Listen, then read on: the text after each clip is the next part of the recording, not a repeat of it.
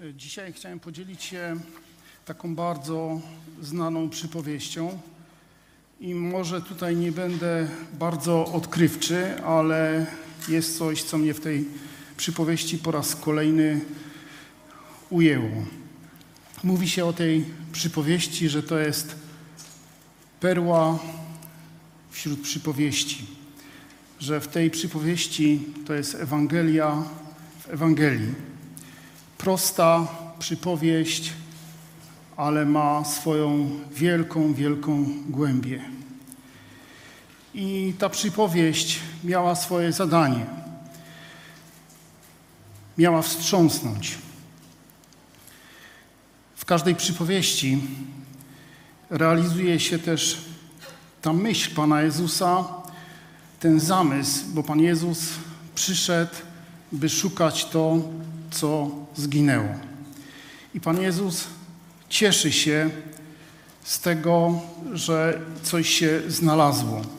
Myśmy śpiewali taką pieśń i myślę, że to jest jedno, jest to przesłanie tej przypowieści Wracam.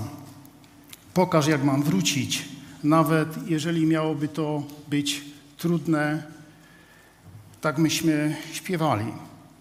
I może otworzymy teraz tą bardzo znaną przypowieść, to jest Ewangelia Łukasza, rozdział 15, od wiersza 11 przeczytamy. Łukasz 15 od 11. Potem rzekł, pewien człowiek miał dwóch synów i rzekł młodszy z nich, do, z nich ojcu, ojcze, daj mi część majątności, która na mnie przypada. Wtedy ten rozdzielił im majątność. A nie po wielu dniach młodszy syn zabrał wszystko i odjechał do dalekiego kraju i tam roztrwonił swój majątek, prowadząc rozwiązłe życie. A gdy wydał wszystko, nastał wielki głód w owym kraju i on zaczął cierpieć niedostatek. Poszedł więc i przystąp, e, przystał do jednego z obywateli owego kraju, a ten wysłał go do swej posiadłości wiejskiej, aby pasł świnie i pragnął napełnić brzuch swój omłotem, którym Karmiły się świnie, lecz nikt mu nie dawał. A gdy wejrzawszy w siebie, rzekł, iluż to najemników ojca mego pod dostatkiem chleba ma, a ja tu z głodu ginę. Wstanę i pójdę do ojca mego i powiem mu, ojcze, zgrzeszyłem przeciwko niebu i przeciwko Tobie. Już nie jestem godzien nazywać się synem Twoim, uczyń mnie ze mnie jednego z najemników swoich. Wstał i poszedł do ojca swego, a gdy jeszcze był daleko, ujrzał go jego ojciec, użalił się i pobiegłszy, rzucił mu się na szyję i pocałował go. Syn zaś rzekł do niego, ojcze, zgrzeszyłem przeciwko niebu i przeciwko Tobie. Już nie jestem godzien nazywać się synem Twoim. Ojciec zaś rzekł do sług swoich, przynieście szybko najlepszą szatę i ubierzcie go Dajcie też pierścień na jego rękę i sandały na nogi. I przyprowadźcie tuczne ciele, zabijcie je, a jedzmy i weselmy się, dlatego że ten syn mój był umarły, a ożył, zaginął, a odnalazł się i zaczęli się weselić. Starszy zaś syn jego był w polu. A gdy wracając zbliżył się do domu, usłyszał muzykę i tańce i przywoławszy jednego ze sług pytał, co to jest. Ten zaś rzekł do niego, brat twój przyszedł i ojciec twój kazał zabić tuczne ciele, że go zdrowym odzyskał. Rozgniewał się więc i nie chciał wejść. Wtedy ojciec jego wyszedł i prosił go. Ten zaś rzekł, odrzekł ojcu, oto tyle lat służę ci i nigdy nie przestąpiłem rozkazu Twego, a mnie Nigdy nie dałeś nawet koźlęcia, bym się mógł zabawić z przyjaciółmi mymi. Gdy zaś ten syn Twój, który roztrwonił majątność Twoją z nierządnicami i przyszedł, kazałeś dla niego zabić tuczne ciele. Wtedy on rzekł do niego, synu, Ty zawsze jesteś ze mną i wszystko moje jest Twoim. Należało zaś weselić się i radować, że ten brat Twój był umarły, a ożył, zaginął, a odnalazł się. Pan Jezus ma cel, by szukać to, co zginęło. E, Ja czytając tą historię zachwycam się tym ojcem. Zachwycam się jego miłością, jego łaską. Wiele, wiele rzeczy tutaj będziemy odkrywać. Historia nazywa się historią syna marnotrawnego, ale właściwie to jest jedna trzecia tej historii, bo tu są trzy osoby. Tu jest jeden syn, drugi syn i ojciec. Y, ale tak się jakoś przyjęło, że, że skupiamy się tylko na tym jednym synu zagubionym, a właściwie okazuje się, że obaj są zgubieni. I musimy wysłyszeć tą historię tak, jak ją słyszeli współcześni. Kontekst jest taki, że Pan Jezus niebawem będzie musiał zawisnąć na krzyżu. Zostało jeszcze parę miesięcy. I nienawiść do Pana Jezusa rośnie. Oskarżenia są mocne. Mówią nawet, że reprezentuje samego diabła. I nie tylko zależy im na tym, żeby, żeby to powiedzieć, ale żeby to wielu usłyszało. I rozpowszechniają tę wieść, że to nie jest ktoś, kogo warto w ogóle słuchać. I Pan Jezus, ten piętnasty rozdział zaczyna się takimi słowami, a zbliżał się, zbliżali się do Niego wszyscy celnicy i grzesznicy, aby Go słuchać.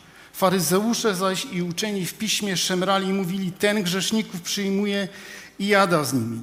Jada z celnikami. Mieli argument. Słuchajcie, on jada z celnikami i grzesznikami.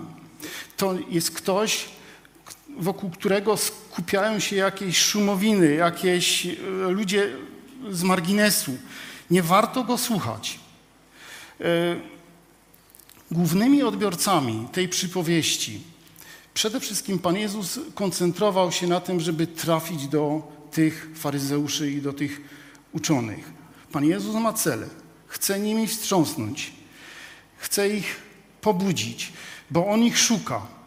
On nie, nie tylko szuka tych celników, grzeszników, ale On szuka właśnie tych, którzy są bardzo zatwardziali. I ta historia nie miała tylko wywoływać jakichś takich motylków, rozrzewnienie, żeby wycierać łezkę, ale naprawdę miała nimi wstrząsnąć. Bo e, to byli ci, którzy byli bardzo tacy oddani w tej swojej służbie. W innym fragmencie czytamy, że, że oni byli gotowi e, tak skrupulatnie odmierzać 10% z kminku, 10% z mięty, 10% e, z kopru. To byli ci, którzy byli bardzo, bardzo pobożni i bardzo święci. A wokół Pana Jezusa zaczynają się kręcić właśnie jakieś takie typy i on zaczyna przyciągać takich. I oni mu mówią, no właśnie, to ty jesteś niegodny e, tego, żeby w ogóle koncentrować się na tym, co ty masz do, do powiedzenia. Jakiś, jacyś z marginesu ludzie. Ty nie masz w ogóle wstydu, żeby z nimi zasiadać do stołu. Ty z nimi jadasz, a wiemy, kiedyś tutaj taki braciszek Mezo mówił o tym, że to była kultura honoru i wstydu. I ty nie masz wstydu z nimi zasiadać.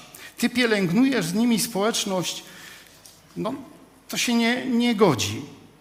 I mogę sobie tylko wyobrazić, jak oni go słuchają, słuchają tej przypowieści i jak w nich zaczyna nabrzmiewać coś. A Pan Jezus z rozmysłem zaczyna kontynuować swoją myśl i chce, żeby do nich to trafiło. Ojciec, który miał dwóch synów, stracił właściwie tych dwóch synów, ale odnalazł jednego. I Pan Jezus zaczyna opisywać dwa rodzaje grzeszników. Jeden taki buntownik, a drugi taki spokojny, taki domator, taki bardzo religijny, ale obaj rozczarowali swojego ojca zawstydzili swojego ojca. W tej, w tej historii właściwie wszystko jest takie bardzo oburzające. E, gdyby wówczas były mm, gazety, nie wiem czy były, albo internet. Dzisiaj, jak otwieramy internet, i, i coś jest ważnego, no to na czerwonym tle jest takie hasło skandal e, albo hańba, pilne, tak na czerwono. E, I, i myślę, że, że tak, tak by to została ta historia przedstawiona. Skandaliczne wydarzenie. Otóż młodszy przychodzi syn, bo to jest młodszy i starszy syn w tej historii, i mówi: Ojcze, daj mi, daj mi to, co mi się tam należy.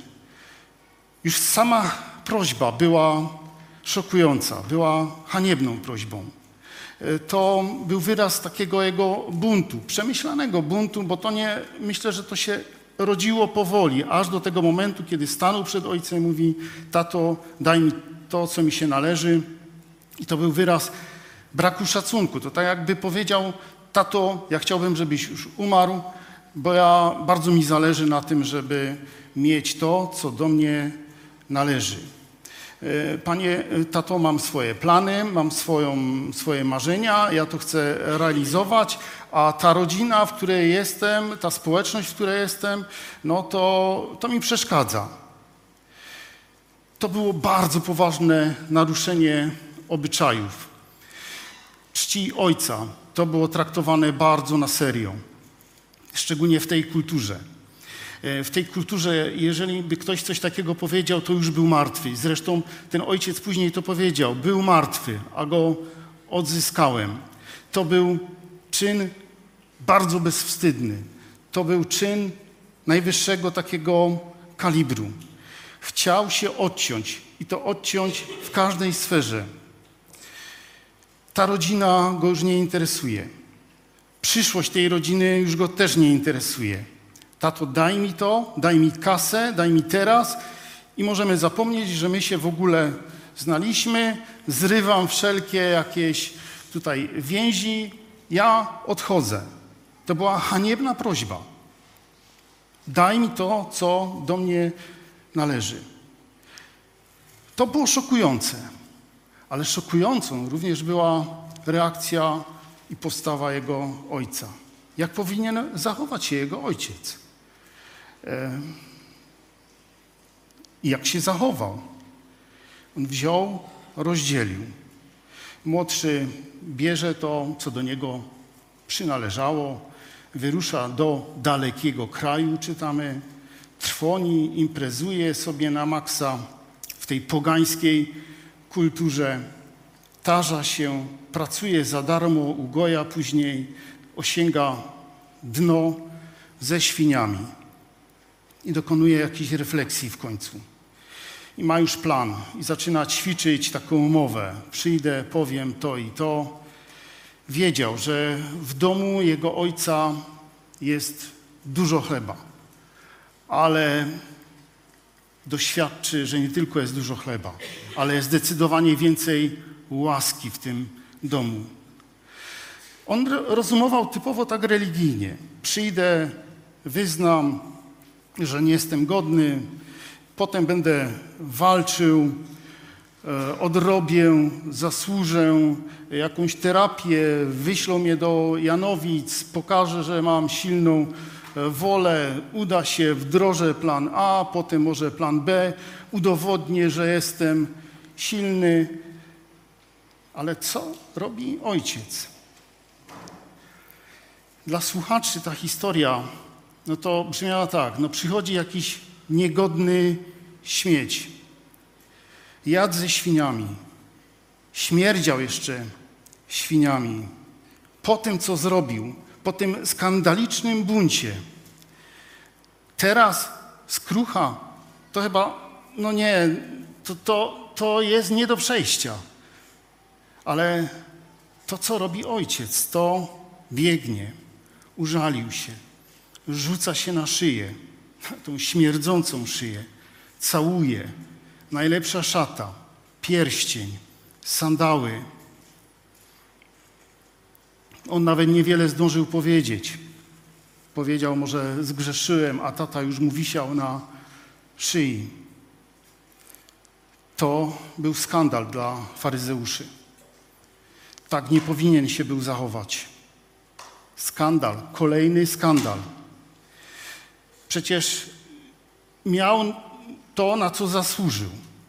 Niech ponosi konsekwencje. Gdzie tu jest honor? Po takim wstydzie, jaki zostawił w rodzinie i w naszej społeczności, w naszej wiosce. Przecież cała wioska wtedy była oburzona tym, że tak znieważył swojego ojca, poprosił i poszedł, uciekł. Teraz ten ojciec przyjmuje go z takim gestem? Faryzeusze, słuchając tej historii, to potrząsali głowami. Nie, niewiarygodny, niedopuszczalny, a wyobraźnia musiała działać. E, to straszliwy przypadek, to najgorszy przypadek, absolutnie e, karygodny przypadek. Wszystko w nich musiało wołać: nie, nie, nie. A ten ojciec wybiega, przerywa wyćwiczoną umowę, wszystko wbrew kulturze. Haniebna prośba najpierw tego młodego, potem haniebna odpowiedź na tą prośbę tego syna, bo ojciec daje to, no nie powinien, no powinien inaczej zareagować. Potem bunt tego młodego, potem jakaś pokuta, jeszcze jakieś niewyobrażalne świętowanie. Dlaczego on to robi? Co go do, motywuje do tego, tego ojca? Z tekstu dowiadujemy się, że on kocha powroty. Wracaj, wracam, wracam. Myśmy to wyśpiewali. Pan Bóg kocha powroty. On kocha i raduje się, jak to, co było zgubione, jest znalezione. W 27 wierszu czytamy, że to właściwie wydarzył się taki najgorszy z możliwych scenariuszy. On wrócił, a ojciec łaskawy, kochający, nie wstydzi się, rzuca się w ramiona, na szyję, rozrzutny jest w tym miłosierdziu, w miłości. Dla faryzeuszy, którzy słuchali tej historii, to ten ojciec był głupi. I oni dawali temu wyraz. To było dla nich absolutnie oburzające. Oni tego nie rozumieją, nie podzielają tej radości. Młodszy reprezentował tych celników i tych grzeszników. I to wszystko w tej historii jest sprzeczne z tym, co oni uważają za słuszne. Ale Pan Jezus dalej zaczyna wciągać ich w tą historię. Bo teraz chce, żeby to trafiało do nich. To już ich oburzyło. Oni są ekspertami. Ekspertami od wstydu, od honoru. Oni teraz muszą sami dokonać pewnej refleksji. Wszystko ich do tej pory gorszyło. Oni żywią wstręt do tego bezbożnego syna. Z takim zasiada, zasiadać do stołu. No ale historia się rozwija. No i mogą pomyśleć, ok, teraz już no, coś miłego. No, z tym możemy się utożsamić, zidentyfikować. Starszy syn. Lojalnie pracuje na polu ojca. Ma, no, można by dużo ciepłych słów o nim powiedzieć. Pan Jezus mówi to, a to miało trafić właśnie do tych faryzeuszy, do tych zadomowionych, tak jak zadomowiony był ten starszy syn, do tych religijnych, ale zaślepionych. O, to trudniejszy przypadek. To trudniejszy przypadek niż ten młodszy brat. Mimo tej fizycznej bliskości, młody uciekł do dalekiego kraju, a starszy był daleko w polu. Mimo fizycznej bliskości był oddalony od ojca. I ten starszy brat dowiaduje się nagle, że, no, że jego brat wrócił. To była informacja, choćby piorun z nieba i że jakaś uczta jeszcze. On jest wściekły na ojca. E, no jak, jak mógł okazać dobroć, łaskę, łaskę? Jak może być tak rozrzutny ten mój ojciec? Ojciec wychodzi, w tekście czytamy, prosi go, wejdź na ucztę ale on mówi, że, że nie może. Ojciec tam dwukrotnie wychodzi i go błaga wręcz, a on gardzi, on odmawia udziału w tej uczcie. On ma swoją godność, on ma swoją dumę, on ma swoją sprawiedliwość. On jest rozdrażniony czynami swojego ojca. On się nie może pogodzić. Ojcze, coś ty w ogóle zrobił. Jak mogłeś takiego śmierdziela przyjąć z takimi fanfarami? Przywrócić do rodziny, przywrócić mu synostwo. To ma być sprawiedliwość, tato. To ma być sprawiedliwość. Dlaczego on nie chce być częścią tej uroczystości? W 29 wierszu czytamy: Nigdy nie przekroczyłem Twojego zakazu. Tato nigdy. Jego sprawiedliwość, Jego sprawiedliwość trzyma go z dala od tej uczty. Byłem dobry przecież. Mam prawo. Ojcie, ojcze, tyś mi winien lepsze życie. Ja mogłem się zabawić. Ja przecież jestem lepszy. On nawet w tekście czytamy, że on swojego brata nie jest w stanie nazwać bratem już, tylko mówi twój syn. Zgorzknienie widać w nim, nienawiść, rozpacz, gorycz. On odrzuca autorytet ojca. On się nie może pogodzić y, z tym, co ojciec zrobił, że jeszcze jakąś ucztę mu przygotował. On chce dyktować ojcu, z czego ojciec się powinien radować. Ojcze, ten twój syn przecież z świniami, a ja, ja mam prawo. I on to zaczyna tłumaczyć ojcu.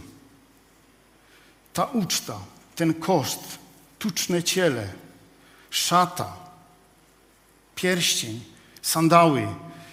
Tato, ja nie wejdę. Nie, nie ma takiej opcji, nie wejdę. Ja mam swoją godność, ja mam swój honor, ja nie wejdę na tą ucztę. Starsi bracia z uporem wierzą, że dobre czyny, z powodu tych dobrych czynów należy im się coś więcej. Przecież oni sprostali standardom i ciągle tłumaczy, tato patrz na moje moralne osiągnięcia. Nie robi to na ciebie wrażenia. Ja byłem pracowity, moralny, robiłem to, tamto. E... I on nie chciał wyjść na tą ucztę to, co go powstrzymywało, to nawet nie grzech, ale to, co go powstrzymało, żeby wejść na tą ucztę, to jego sprawiedliwość, jego dobroć, jego prawo i sprawiedliwość. Nie kochał ani brata, nie kochał ani ojca, brzydził się taką łaską, brzydził się tą miłością, brzydził się współczuciem. Młodszy brat był zły, starszy brat był dobry ale obaj byli zgubieni. Jeden przedstawił taki jawny bunt, a drugi taki subtelny, ale obaj daleko. Jeden uciekł do dalekiego kraju, a drugi był daleko w polu. Pan Jezus tą przypowieść z rozmysłem skierował do faryzeuszy, aby pokazać, jak fatalny, w jakim fatalnym stanie są, w jakim stanie zagubienia są. Młodszy był świadom swojego od, oddalenia, starszy nie. Starszy nie wszedł na ucztę. Duma i ta dobre, te jego dobre uczynki nie pozwalały mu. I te uczynki, ktoś powiedział, że to były niecne, dobre uczynki, które stały się barierą, bo on chciał kontrolować swojego ojca. Nie ufał ojcu, nie kochał ojca nie dzielił radości ojca. W 28 wierszu czytamy, że on się rozgniewał. Nienawidził takiej łaski. On nie mógł się z tym pogodzić.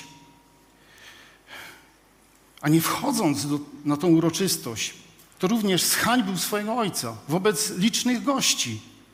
On pokazał, że nie czci ojca, nie szanuje ojca, nie szanuje tego autorytetu. Ja, on jest bardziej doskonały, on jest lepszy, on nie potrzebuje pokuty. To było doświadczenie też Pawła, który powiedział, że jest nienaganny według prawa, ale jak Pan Jezus mu się objawił, to powiedział pierwszy z grzeszników. On patrzy na swojego ojca i widzi go jako tego, który gwałci standardy. Nic mi nie dałeś, tato. To jest niesprawiedliwe. Tato, nic mi nie dałeś. Ja w domu tutaj. Tak się pociłem, tak się trudziłem, tak moralnie żyłem, a ty mi nic nie dałeś. To jest niesprawiedliwe. Teraz, ojcze, żądam przeprosi. Ojcze, tyś tego nie zauważył? Ty jesteś winowajcą. Ty chcesz, on chciał usunąć ojca. On był dokładnie w, tym samej, w tej samej pozycji, co ten młodszy brat. Tylko ten demonstracyjnie to zrobił. Był buntownikiem, a ten tak subtelnie nie kochał ojca. To był atak starszego na uczciwość i na charakter ojca. Młodszy był pokonany łaską ojca. Starszy, mimo tych samych czułości, mimo tej samej dobroci, mimo tych samych słów, mimo to, że ten ojciec tak samo do niego podchodził, reagował zupełnie obco. Fajnie by było, żeby ta historia mogła się skończyć tak, że no, starszy syn poprosił ojca o wybaczenie i poprosił, tato, no byłem nieczuły, byłem taki zimny, prowadziłem taką zimną służbę, byłem dumny, miałem gorycz, ale tak się nie stało. Ci sami faryzeusze w końcu powiesili Pana Jezusa na krzyżu. Ja zdumiewam się nad tą Bożą łaską. Zdumiewam się patrząc na tego Ojca. Ile dobrości, ile ciepła okazywał jednemu i drugiemu. I ja jestem pokonany tym, że tyle czułości, tyle ciepła Pan Jezus okazuje każdemu z nas. I po raz kolejny woła: zawracaj, bo ja kocham powroty. Ja kocham ja cieszę się z takich powrotów. Jeżeli jest tu dzisiaj ktoś, kto jest gdzieś tam daleko, albo w dalekim kraju, albo w dalekim polu, to Pan Jezus woła: wracaj. Amen.